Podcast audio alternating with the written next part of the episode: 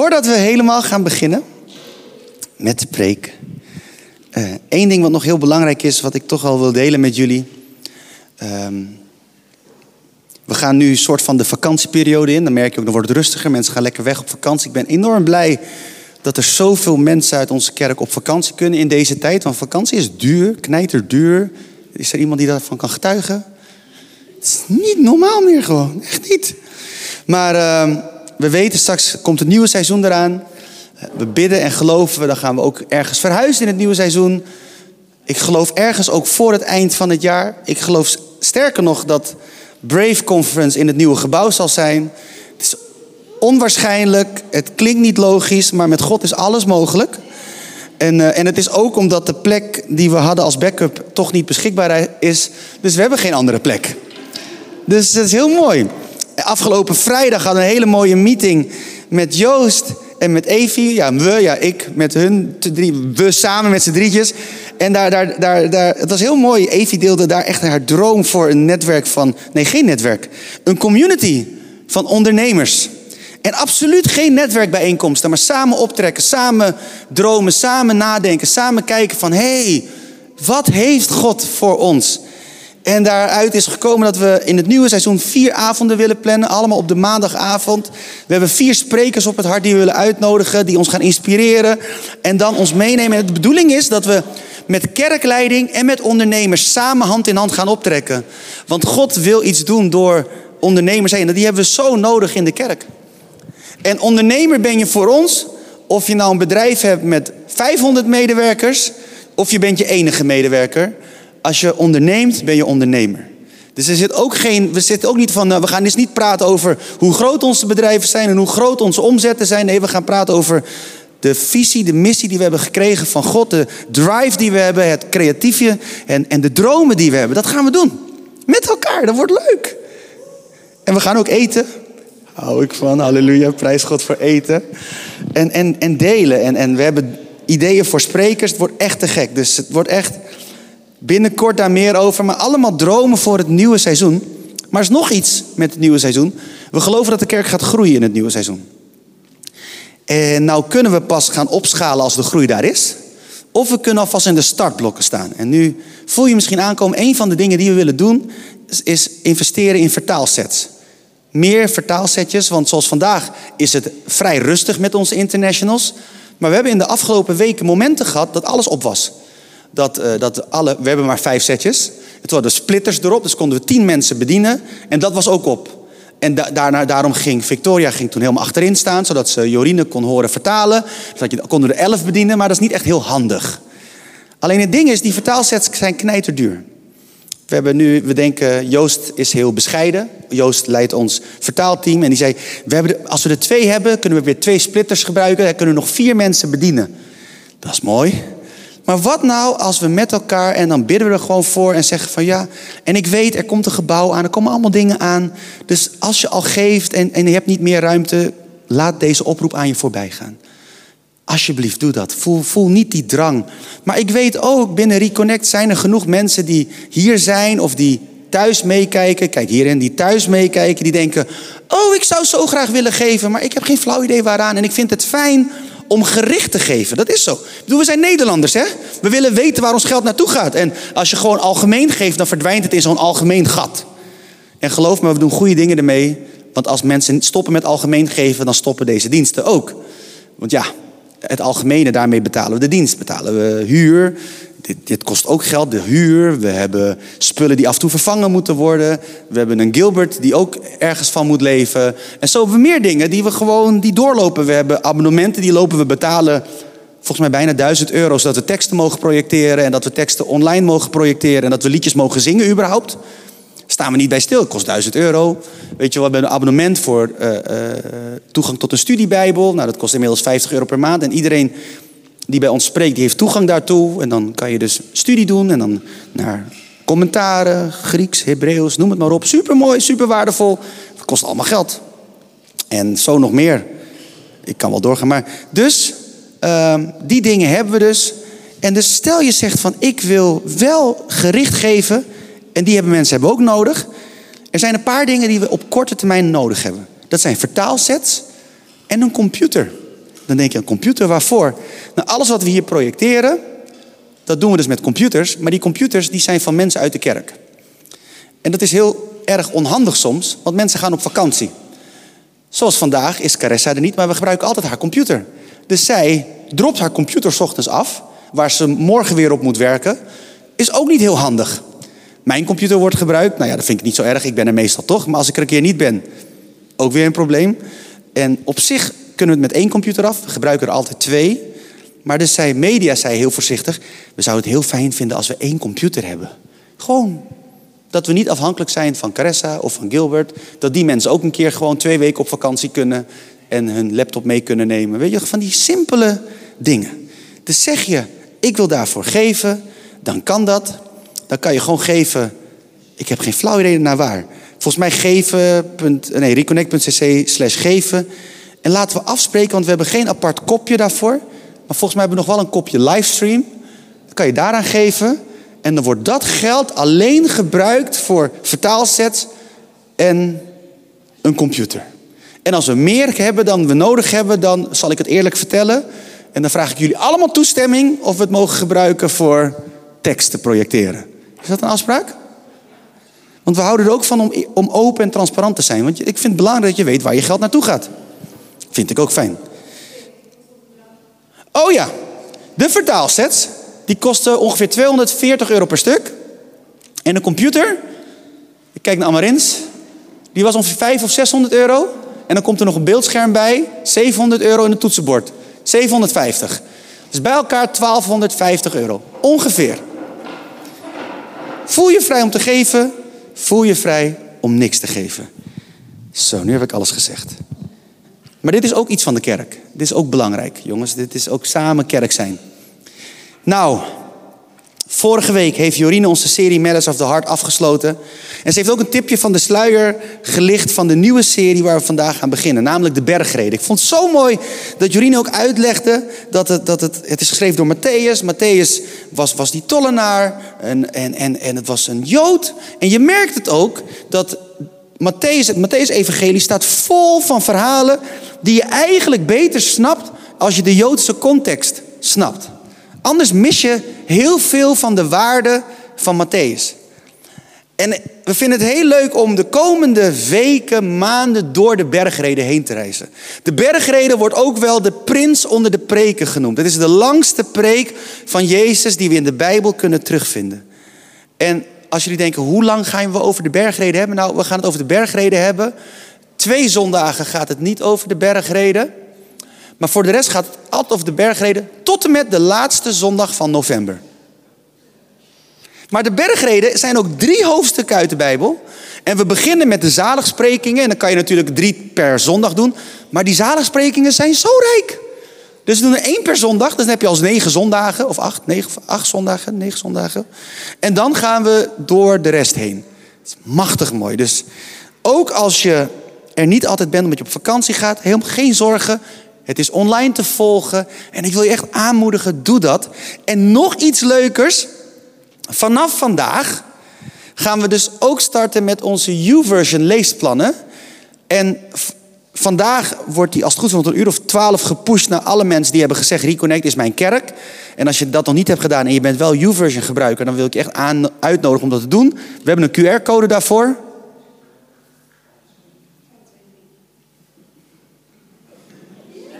Ja, kijk daar. Als je die scant, dan, dan ga je meteen naar de plek en dan kan je zeggen: Reconnect is mijn kerk. Voor iedereen die U-version gebruikt. Ik laat hem nog even staan, ik ga doorkletsen. En, en wat we dan gaan doen is: om, uh, op de zondag komt dan een pushbericht.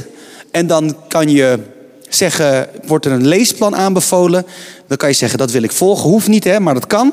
En dan gaan we in de week daarop volgend, maandag, dinsdag, woensdag, donderdag, vrijdag, zijn er overdenkingen die eigenlijk verder gaan op de preek van de zondag. Dus dan kan je door de week ook bezig zijn. En als je allemaal leesplan al hebt, dan hoeft niet, maar wel leuk.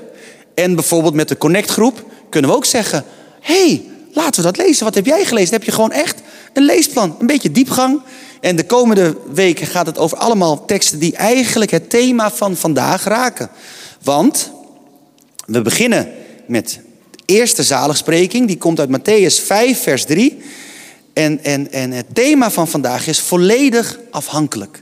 En dat ga ik uitleggen. Maar Matthäus 5, vers 3 is volledig afhankelijk. Dus de hele week gaat het over hoe ziet dat eruit door de Bijbel heen. Om volledig afhankelijk te zijn. En natuurlijk kunnen we niet alles vertellen. We hebben maar vijf dagen, vijf stukjes. Per overdenking mag je maar max 300 woorden schrijven. Omdat we het kort en krachtig moeten houden voor YouVersion. Maar toch, je hebt iets van verdieping, iets van inspiratie, iets van moment. Wat je kan gebruiken in jouw dagelijks ritme met God. Om de Bijbel te lezen. Nou, zullen we gaan naar Matthäus 5, vers 3. Want daarmee gaan we beginnen. Daar staat, gelukkig wie nederig van hart zijn. Want voor hen is het koninkrijk van de hemel. Vader, dank u wel voor uw woord. Uw woord is licht. En er verschijnt licht wanneer uw woord open gaat. Licht om ons te laten zien waar we vandaan komen, waar we naartoe gaan, waar we staan. En misschien nog het allermooiste, hoe we kunnen komen op de plek die u voor ons heeft. Want uw woord is een lamp voor ons voet en een licht op ons pad. Ik dank u wel voor uw woord. Dat het mag zijn als zaad dat uitgestrooid wordt. Dat het mag landen in harten. Heer, dat het niet weggeroofd wordt, maar dat het mag landen, wortel mag schieten, op mag springen, vrucht mag voortbrengen. Die ere brengt aan Jezus en Jezus alleen. Omdat u in en door alles heen gezien en geëerd wordt. Dank u wel voor uw woord. In Jezus' naam. Amen. Gelukkig wie nederig van hart zijn. Je hoort, als je goed luistert, hoor je de vertaling. In het Engels staat daar: Blessed are the poor in spirit. De herziene, vertaling, eh, herziene statenvertaling zegt ook in plaats van nederig van hart: de armen van geest. En dat is dus echt in lijn met de Engelse vertaling. En als ik heel eerlijk ben, wist ik nooit wat ik mis moest met die zin. Armen van geest. Wanneer ben je arm van geest? Wat, wat is dat? Arm van geest. Dus ik was in eerste instantie heel blij met de NBV 21. Die zei nederig van hart. Ik oh wat mooi, dat snap ik. Maar als ik heel eerlijk ben, is de vertaling armen van geest veel beter. En ik ga je uitleggen waarom. Het woord dat wordt gebruikt voor arm, want in het Grieks staat daar een woord wat, wordt, wat je kan vertalen als arm. Dat betekent ook, en misschien vooral, bedelend. Wanneer Jezus zegt, armen van geest, dan zegt hij eigenlijk dat het hier gaat om mensen die geestelijk bedelen. Die zo aan de grond zitten, zo arm zijn, niks kunnen zonder de goedheid en genade van iemand anders. Ik bedoel, als je een bedelaar bent, en dan heb ik het niet eens over de tijd van nu, maar in die tijd. Dit is in een Joods, eh, context geschreven.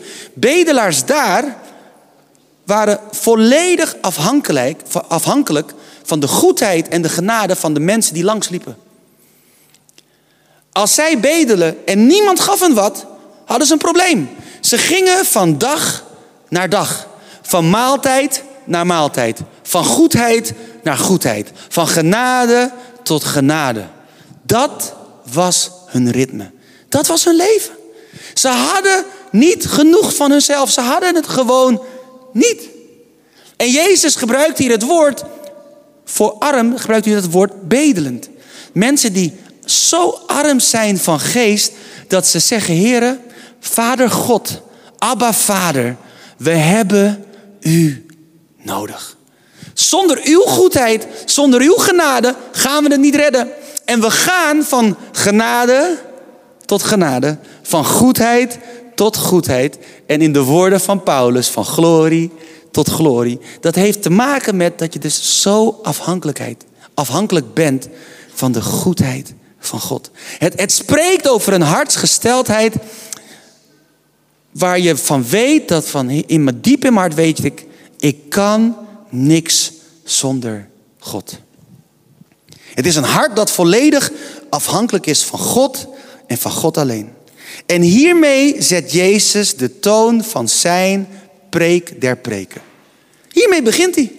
Dit is de setting. Hiermee opent hij zijn preek. Ah, dit is de eerste stap als het gaat, als we het koninkrijk van God binnen willen gaan. Want hij zegt, gelukkig de armen van geest, want voor hun is het koninkrijk van de hemel. Wil je deel worden van zijn koninkrijk? Dan gaat het er dus niet om wat je allemaal kan, wat je allemaal doet of wat je allemaal hebt, maar vooral om het besef dat je het juist niet hebt. En dat besef leidt ertoe dat je nederig wordt. Dus wat dat betreft heeft de MBV gelijk. Ik bedoel, iemand die weet dat hij een bedelaar is van geest, dat hij niks heeft zonder God, die gaat niet hoog van de toren blazen. Die slaat zichzelf niet op de borst van moet je mij nou zien wat ik allemaal weet, wat ik allemaal heb gedaan. Doe je niet. Ik ben nog geen enkele bedelaar tegengekomen die heel trots is dat hij bedelt. Maar dat besef maakt ons nederig.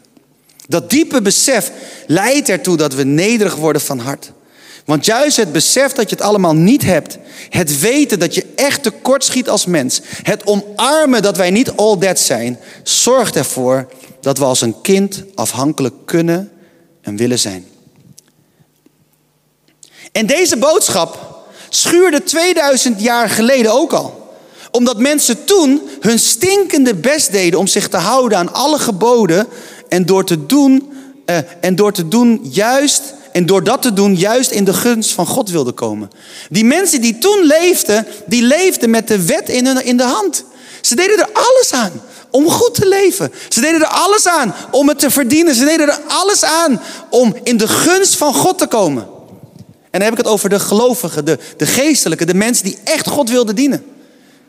En dat was het publiek van Jezus.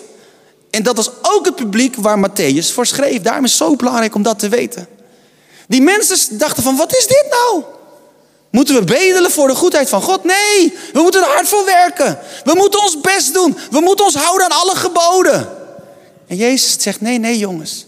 Je moet beseffen dat je het niet kan. Die hele wet is niet gegeven om het proberen na te jagen. Die wet is jou gegeven als een spiegel om je te laten zien. Je gaat het niet redden. Je hebt genade nodig. Zo was het 2000 jaar geleden. Maar vandaag de dag schuurt deze boodschap ook. Want vandaag de dag zijn we zo individualistisch als maar kan. Vandaag de dag worden we opgevoed en opgeleid dat je met de boodschap: je kan het. Je bent genoeg. Je kan het. Je gaat ervoor. Sky is the limit. Weet je, als je maar hard genoeg werkt. Als je maar dit doet en dat doet en zus doet en zo doet. En mensen vinden het helemaal niet leuk om te horen dat je helemaal niks kan. Ik heb ooit een keer iemand gehoord die zegt: Ja, ik heb helemaal niks met geloof. Want het is toch heel sadistisch dat God een God is die mensen maakt die hem nodig hebben. En dan kan je denken, als je dat gewoon zo uit context haalt, denk, kan je denken, ja, dat is wel gek. Maar iedereen die kinderen heeft, die weet dat een kind afhankelijk is van hem of haar, van ouders. Iedereen weet dat. Is het dan sadistisch om kinderen te hebben? Natuurlijk niet. Helemaal niet. Maar als ouders weet je wat beter is voor je kind en je zorgt voor je kind, je helpt je kind, je geeft je kind richtlijnen, je geeft ze kaders, omdat je van ze houdt.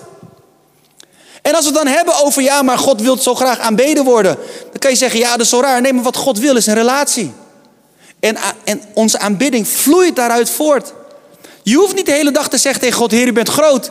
Maar je mag wel je hart delen met God je hele dag door. Dat is wat hij wil.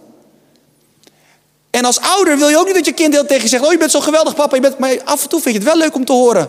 Ik dan. En dan komt er een fase dat ze dat niet meer zeggen. En dan hopelijk komt er weer een fase dat zegt, nou, je bent niet zo gek. Die fase heb ik ook gehad als kind. dus het is heel normaal. Het is helemaal niet zo gek. Maar het is wel een boodschap die we vandaag misschien niet meer zo vaak horen. Maar lieve vrienden, ik hoop dat jullie me vergeven wanneer ik zeg dat deze woorden van Jezus relevanter zijn dan ooit. Want juist in een tijd waarin we denken dat we het kunnen, mag en misschien wel moet deze boodschap luider klinken dan ooit. Want veel mensen zijn zo moe vandaag. Moe van het worden, moe van het moeten, moe van het goed genoeg moeten zijn, moe van het vul zelf maar in. Maar wat nou als Jezus 2000 jaar geleden al zei: accepteer nou maar dat je afhankelijk bent. Afhankelijk als een bedelaar. Stop nou met het zelf proberen te fixen, maar geef jezelf helemaal over. En toen ik zo bezig was met deze preek en hier zo echt, weet je, ik weet niet, ik zal jullie vertellen hoe dat bij mij een beetje gaat. Dan duik ik helemaal in die tekst en dan lees ik nog meer dingen die allemaal resoneren met die tekst. En op een gegeven moment kwam de zin in me naar boven die ik eigenlijk bijna wilde opschrijven als quote, maar ik had niet genoeg moed daarvoor. Zeg ik ook eerlijk, want ik dacht, als dit uit context wordt gerukt, dan kunnen mensen weer iets heel anders ervan maken. En dat soort dingen gebeuren. Hè? Er zijn mensen die naar onze preken luisteren, dingen uit context rukken en dan heel veel helemaal losgaan op onze preken van, oh, wat ze zijn zo slecht. En daar hoef je geen rekening mee te houden, weet ik, want het gebeurt toch wel. Maar soms doe ik het toch stiekem, ik ben ook maar een mens.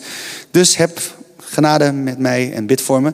Maar de zin die in me opkwam was, de kerk is voor losers. Mensen die weten dat ze hebben verloren. Mensen die weten dat ze het allemaal niet op een rijtje hebben. En het grappige bij God is, wanneer je dat beseft, dan zal je echt winnen. Dat is de paradox van het koninkrijk van God. Als je beseft, zonder God ben ik een loser, zal Hij zeggen, nou daarom ben jij een winnaar, want ik geef mijn overwinning aan jou. Want het moment dat wij erkennen dat wij het niet kunnen, zegt Jezus dat Hij het al voor ons heeft gedaan. Het is zo heerlijk. Mensen, dit is zo chill. En dan zeg ik niet dat je niet meer je best moet doen en dat je gewoon goed moet leven. Nee, maar dan zeg ik wel dat je vanuit dat besef, vanuit die acceptatie, vanuit dat zijn, mag gaan leven. En dan doe je het niet meer voor acceptatie, maar dan doe je het omdat je mensen wil dienen. Dan doe je het niet meer omdat je de accolades, de eer wilt ontvangen, maar dan doe je het omdat je mensen wilt helpen. Dan, dan ga je dus echt mensen helpen zonder het aan iedereen te vertellen wat je allemaal hebt gedaan. En dat zijn de leukste mensen. Het koninkrijk van de hemel is voor hen die weten dat ze volledig afhankelijk zijn. Dus wil je de sleutel hebben naar het koninkrijk van de hemel, wil je weten hoe jij deel kan worden van Gods wereld, dan is dit hier het antwoord. Ontdek dat je afhankelijk bent.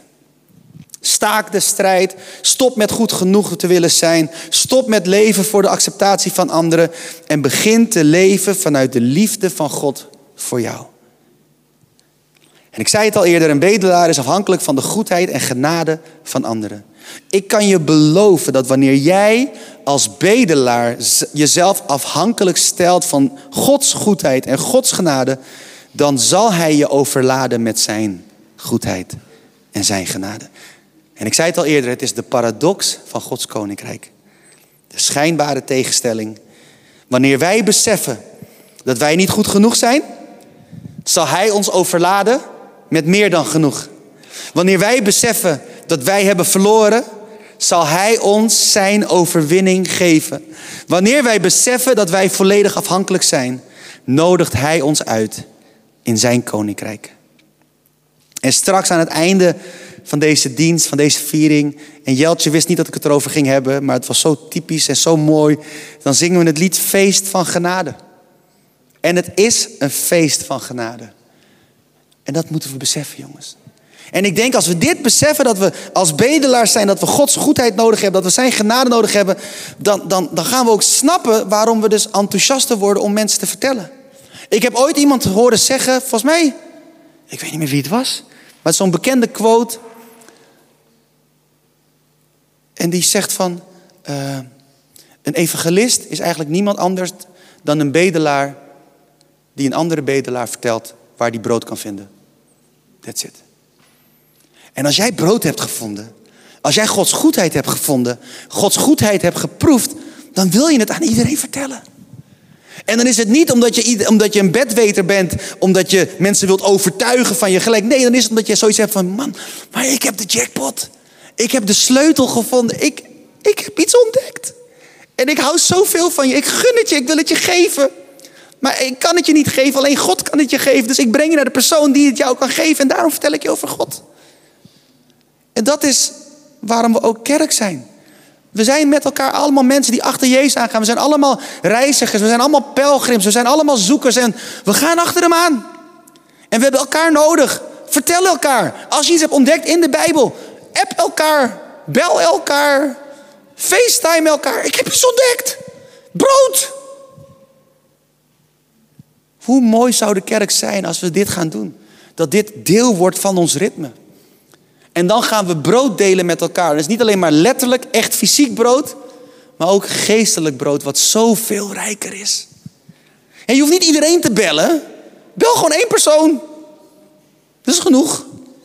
Of twee of drie. Weet je wel, en, en zo. En als je slim bent, dan wisselt af en toe af. Dan worden mensen ook niet moe van je. Ik geef jullie maar tips. Been there, done that. Maar dat je het gewoon en deel het. Dat is de reden waarom ik die, die, die plannen nu heb geschreven. Dat, is mijn, dat zijn mijn broodkruimels. En die wil ik delen met iedereen die maar wil. Maar hoe mooi is het als jullie dan weer jullie broodkruimels delen met iedereen die dat wil. En wie weet komt er een moment dat we met als Reconnect dat meerdere mensen plannen gaan schrijven. Niet alleen maar Gilbert, maar dat iemand anders zegt. Oh, waar gaat de preek? Je moet twee weken van tevoren schrijven, want je moet vooruitwerken bij YouVersion. Dat je zegt, waar gaat de preek over vier weken over? Daarover. Oh, mag ik wat schrijven? Ja, tuurlijk. Hoe mooi. Dan, dan delen we broodkruimels met elkaar. Toen YouVersion ook vroeg van uh, Gilbert, zullen we het doen onder jouw naam? Ik zeg, nee, doe maar onder naam van Reconnect. Ja, maar mensen zoeken meestal op namen van de sprekers. Ik zeg, ja, dat weet ik. Dat doe ik zelf ook. Maar het is leuk als we het onder de naam van Reconnect doen. Dan kan iedereen van Reconnect wat aanbieden. En het moeten wel teksten zijn die gaan over Jezus, opbouwend, bemoedigend, niet polariserend en dat soort dingen. Dus, uh, maar goed, dat kunnen we. Want we gaan gewoon de Bijbel delen, het evangelie. En het evangelie is af en toe wel als een scherper dan een tweesnijdend zwaard. Dat kan je als polariserend interpreteren. Maar als er ook iets is wat de Bijbel doet, is het brengt mensen samen. Want als we de Bijbel lezen, dan ontdekken we allemaal dat we tekortschieten. En dat we Jezus nodig hebben. En lieve mensen, dus dit is de start van onze reis. Volledig afhankelijk. Dit is het eerste wat Jezus zei. En ik wil, vandaag wil ik voor twee dingen bidden. Allereerst wil ik bidden voor mensen die zeggen: hey, ik wil mijzelf volledig afhankelijk stellen van God. Ik wil mijn leven geven aan Jezus. Ik wil me helemaal afhankelijk stellen van God. Ik, ik vind het misschien niet leuk, maar ik wil die bedelaar zijn die zegt: Ik kan niks zonder u. En ik weet, hier in deze ruimte zijn we al met heel veel bedelaars. Geestelijke bedelaars. En dat is goed. Want we moeten dat beseffen. Maar misschien heb je dat besef nog niet. En, en, en, en resoneert dat nu voor het eerst in jouw leven. Dan is deze uitnodiging voor jou. En dan wil ik zo meteen met je bidden. Terwijl ik even mijn YouTube open voor de mensen thuis. Maar dit geldt ook voor de mensen thuis. Dus. Uh... Oh, sorry Rodney. Ik zie nu dat mijn microfoon heel hard stond ten opzichte van Sharon. Sorry, schat. Sorry, Rodney. Ik denk dat niemand het heeft gezien in de chat. Oh, wel. Soort van. Beetje, beetje laat. We doen hem nog een keertje. Maar deze is ook voor de mensen thuis. Als je zegt, hey, dit resoneert bij mij. Ik wil me zo afhankelijk stellen van God. Als jij die persoon bent, dan, ik tel zo meteen tot drie. En bij drie mag je handen omhoog steken. Thuis in de chat, als ik bij drie ben, mag je je vinger omhoog doen. Mag je zeggen om jou gaat. En dan gaan we bidden. En dan wil ik met je bidden, voor je bidden. Ik wil je een gebed voorzeggen. En... Uh, en, in de kerk waar ik uit kom noemden we altijd het zondaarsgebed. En ik ga het ook uitleggen. Want ik heb wel eens een predikant horen zeggen... ja, het zondaarsgebed staat niet in de Bijbel. Klopt. Sterker nog, de dief aan het kruis die hing naast Jezus... heeft nooit het zondaarsgebed gebeden. Maar hij kwam wel in het koninkrijk van God. Omdat hij Jezus erkende. Dus ja, geloof alleen is genoeg. We moeten geloven. Maar het zondaarsgebed voor ons, voor mij, geeft het een handvat om je geloof te uiten. Dus het zondaarsgebed zelf is geen ticket naar de hemel. Nee, het geeft een handvat. En, en elke kerktraditie doet het anders. Hè? Ik bedoel, in sommige kerken doen ze daarom doen de jongeren heel vaak beleidenis. Is geen zondaarsgebed, maar dat is een handvat om je geloof in God te uiten. En daar gaat het om. Want die dief aan het kruis was nooit gedoopt. Niet als volwassene, maar ook niet in het, in het verbond. Dus ook nooit als kind. Waarschijnlijk. Die dief aan het kruis had heel veel verkeerd gedaan. Want die hing daar aan een kruis. En waarschijnlijk was het bij hem wel terecht. En het enige wat hij zei, dat Jezus was de zoon van God. En Jezus zei, heden zult u met mij in het paradijs zijn. Boom! Maar wat heeft hij wel gedaan? Hij heeft geuit. Hij heeft gezegd wie Jezus is. En daarom doen wij het zondagsgebed. Dan weten jullie dat. Dat is een uitleg. Hè? Dan weten jullie dat. Het, ik wil een handvat geven aan de mensen die zeggen: Ik wil dit. Dat je dus gewoon een stap kan zetten. En kan zeggen: Hé, hey, ik geloof in Jezus. En dat is het hoofdelement van dat gebed. We vragen dat God ons vergeeft. En we spreken uit dat we geloven in Jezus. En dat is een handvat. Dat is een eerste stap in je wandel met God. En daarna komt nog die, je komt nog je hele leven. En dan begint het echt. Dan begint het. Maar het is machtig mooi, die reis met Jezus. Dus ik wil iedereen vragen om zijn ogen te sluiten. En als er niemand is, is het ook helemaal oké. En dat is voor ons een teken dat we meer mensen moeten gaan uitnodigen. Want dan, hè? Want mensen moeten het horen. Dat we afhankelijk zijn van God. Mensen moeten het horen. En als er niemand is, gaan we bidden dat God mensen op ons hart legt die we kunnen uitnodigen. Want mensen moeten het horen. Maar als je hier bent, als iedereen zijn ogen wil sluiten en je zegt van hé, hey, ik wil dit. Ik wil uitspreken dat ik afhankelijk ben van God. Ik heb dat nooit eerder gedaan. Ik heb dat nooit eerder zo beseft. Maar ik wil dat vandaag de dag doen. Ik wil mijn geloof uitspreken. Dan één, heb ik goed nieuws voor je. God houdt zoveel van je. Twee, zijn liefde voor jou is onvoorwaardelijk. Maar hij wacht op jou en hij zegt, kom naar huis. Als jij die persoon bent, drie, mag ik dan je hand zien hier of in de chat? Laat je hand zien. Ik zie handen omhoog gaan en zo mooi. En ik wil jullie vragen om iedereen, ook als je dus al dat hebt gedaan in je hart, al lang geleden, maar ik wil je vragen om dit gebed met mij mee te bidden. Hardop. Om die persoon te steunen die uh, zijn of haar hand heeft opgestoken. Ook de mensen thuis die hun hand hebben opgestoken. Dat, je, dat we hun zullen steunen. Dus ik wil vragen, iedereen, bid me na als ik zeg, Heere Jezus, dank u wel dat u van mij houdt. En dank u wel dat u voor mij bent gestorven aan het kruis. Dat u de prijs heeft betaald. En ik wil u vragen, wilt u mij vergeven van de dingen die ik verkeerd heb gedaan? En wilt u mij helpen om te leven naar uw wil? Heer Jezus, vandaag beleid ik dat u Heer bent en dat ik afhankelijk wil zijn van u. U bent Heer van mijn leven. En dank u wel dat ik deel mag zijn van uw familie. In Jezus' naam. Amen. Amen. Dat was het eerste gebed, mensen. Wat mooi. Wat mooi gebed. Zullen we een applaus geven aan de mensen die die stap hebben gemaakt? Zo mooi. Echt. Mensen, dit is waar het om gaat. En ook online gingen er allemaal handen omhoog. Dit is waar het om gaat, mensen. Dit is waarom we doen wat we doen. Halleluja. En het tweede gebed is voor die mensen die al afhankelijk zijn van God, maar eigenlijk helemaal op zijn. Want dat kan ook. En ik geloof dat we als kerk voor die mensen ook er moeten zijn. En daarvoor willen we bidden. We willen daarvoor bidden, lieve mensen. En ik weet niet of de mensen hier zijn. Ik, ik kijk als, als er mensen in de chat zijn. Maar als je gewoon op bent. Sharon bad al voor een paar mensen die ons heel dierbaar zijn. Die, die ziek zijn. Ik denk, ik denk aan Oom Fred. Die zoveel pijn heeft. En doorvecht en door blijft gaan. We denken aan Connie. We denken aan Patricia. Die al in geen jaren eigenlijk naar de kerk kan vanwege uh, de MS, is het MS, ja, wat ze heeft, dat, en dat telkens naar achteren gaat. En ik vind het lastig. Mag ik eerlijk met jullie zijn? Ik vind het lastig. Want ik weet dat God een God is die geneest. Ik, ik geloof met heel hard dat God dit doet en het is zo klaar. En toch zien we het niet altijd gebeuren. Ik denk aan lieve mensen uit onze kerk die heel graag een, een, een kleintje willen verwelkomen in hun gezin. En in, in trajecten zitten of moeten bidden en moeten wachten. En zo lang hebben gebeden, zo lang hebben gesmeekt. Het breekt mijn hart. Mag ik gewoon heel eerlijk zijn met jullie? En dan denk ik, maar dit, dit moet ons gewoon als kerk pijn doen. Ik denk aan, aan de vervolgde kerk waar zoveel onrecht is. Mensen, ik denk aan, ons, aan, onze vriend uh, Ali, die uh, eigenlijk best wel vaak bij Reconnect is. En uh, ja, eigenlijk deel is van ons nu, omdat hij zo vaak al komt. Ik zie hem vandaag toevallig niet zitten, maar om hem praat ik langzamer Nederlands. Omdat hij niet zo goed Engels kan, maar Nederlands steeds beter leert. En hij heeft me een keer gevraagd, Gil, kan je wat langzamer praten? Ik zeg, ja, tuurlijk, ik doe mijn best voor je.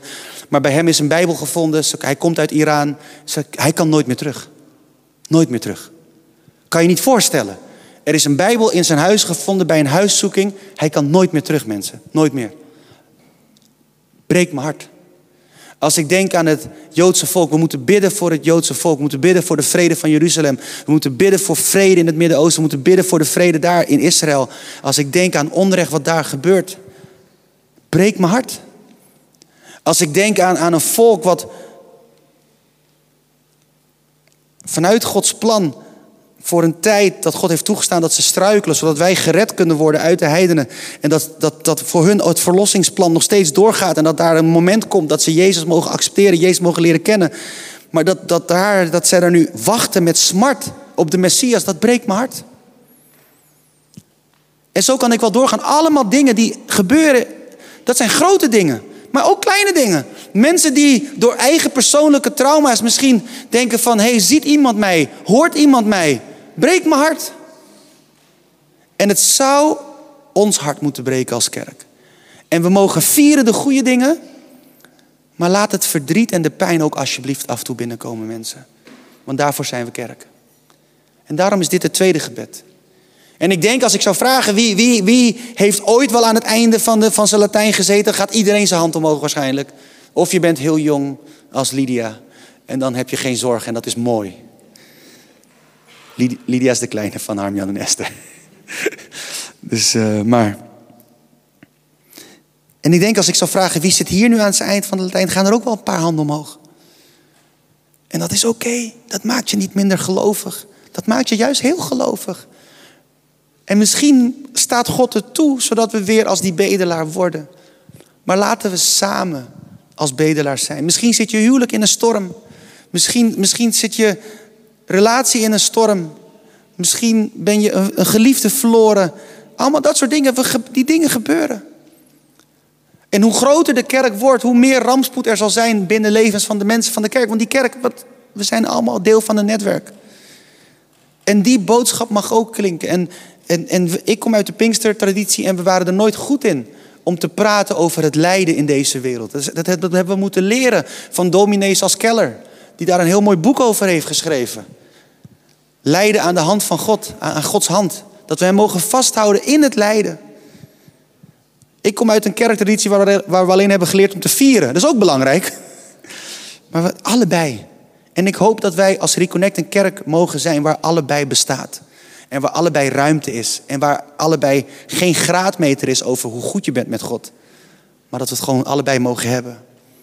En als je van de ene kant naar de andere kant wordt geslingerd, dat dat ook gewoon kan. Dus ik wil bidden. En ik wil vragen of iedereen zijn ogen sluit en dan gaan we samen bidden. En vader, ik kom voor uw troon met iedereen die op dit moment lijdt, in stilte of luid. En vader, ik wil u vragen, kom met uw genade, kom met uw kracht. Heer, en als ik zo bid, er zijn zoveel dingen zijn al genoemd, maar ik denk ook aan, aan de vluchtelingen bij de poort van Europa. Wat al veel te lang duurt. Waar we veel te egoïstisch zijn. Waar we veel te veel denken aan ons eigen, aan ons eigen leven, aan ons eigen comfort. Heer, ik denk aan de oorlog in Oekraïne. Ik denk aan zoveel Russen die ook die oorlog helemaal niet willen, maar gewoon niks kunnen zeggen omdat ze gewoon bang zijn. O Heer, have mercy. Lord, have mercy. Heer, heb genade, heb meelij met ons. Heer, we komen voor uw troon als bedelaars. Want we moeten beleiden, we kunnen niks zonder u. We hebben u nodig. We hebben u nodig in ons lijden, we hebben u nodig in ons pijn. Heer, en uw woord leert ons, als één lid lijdt, lijden alle leden mee. Heer, en we hebben zoveel broers en zussen die lijden. Heer, en als ik heel eerlijk ben, voelen we die pijn niet altijd. Heer, maar maak ons bewust van die pijn. Zodat we echt mee mogen lijden, mee mogen dragen. En vooral voorbeden zullen doen op momenten wanneer uw geest ons wenkt om te bidden voor onze broers en zussen in nood en in pijn. Wanneer uw Heilige Geest ons wenkt om te bidden voor de vervolgde kerk. Wanneer uw Heilige Geest ons wenkt om te bidden voor het Joodse volk.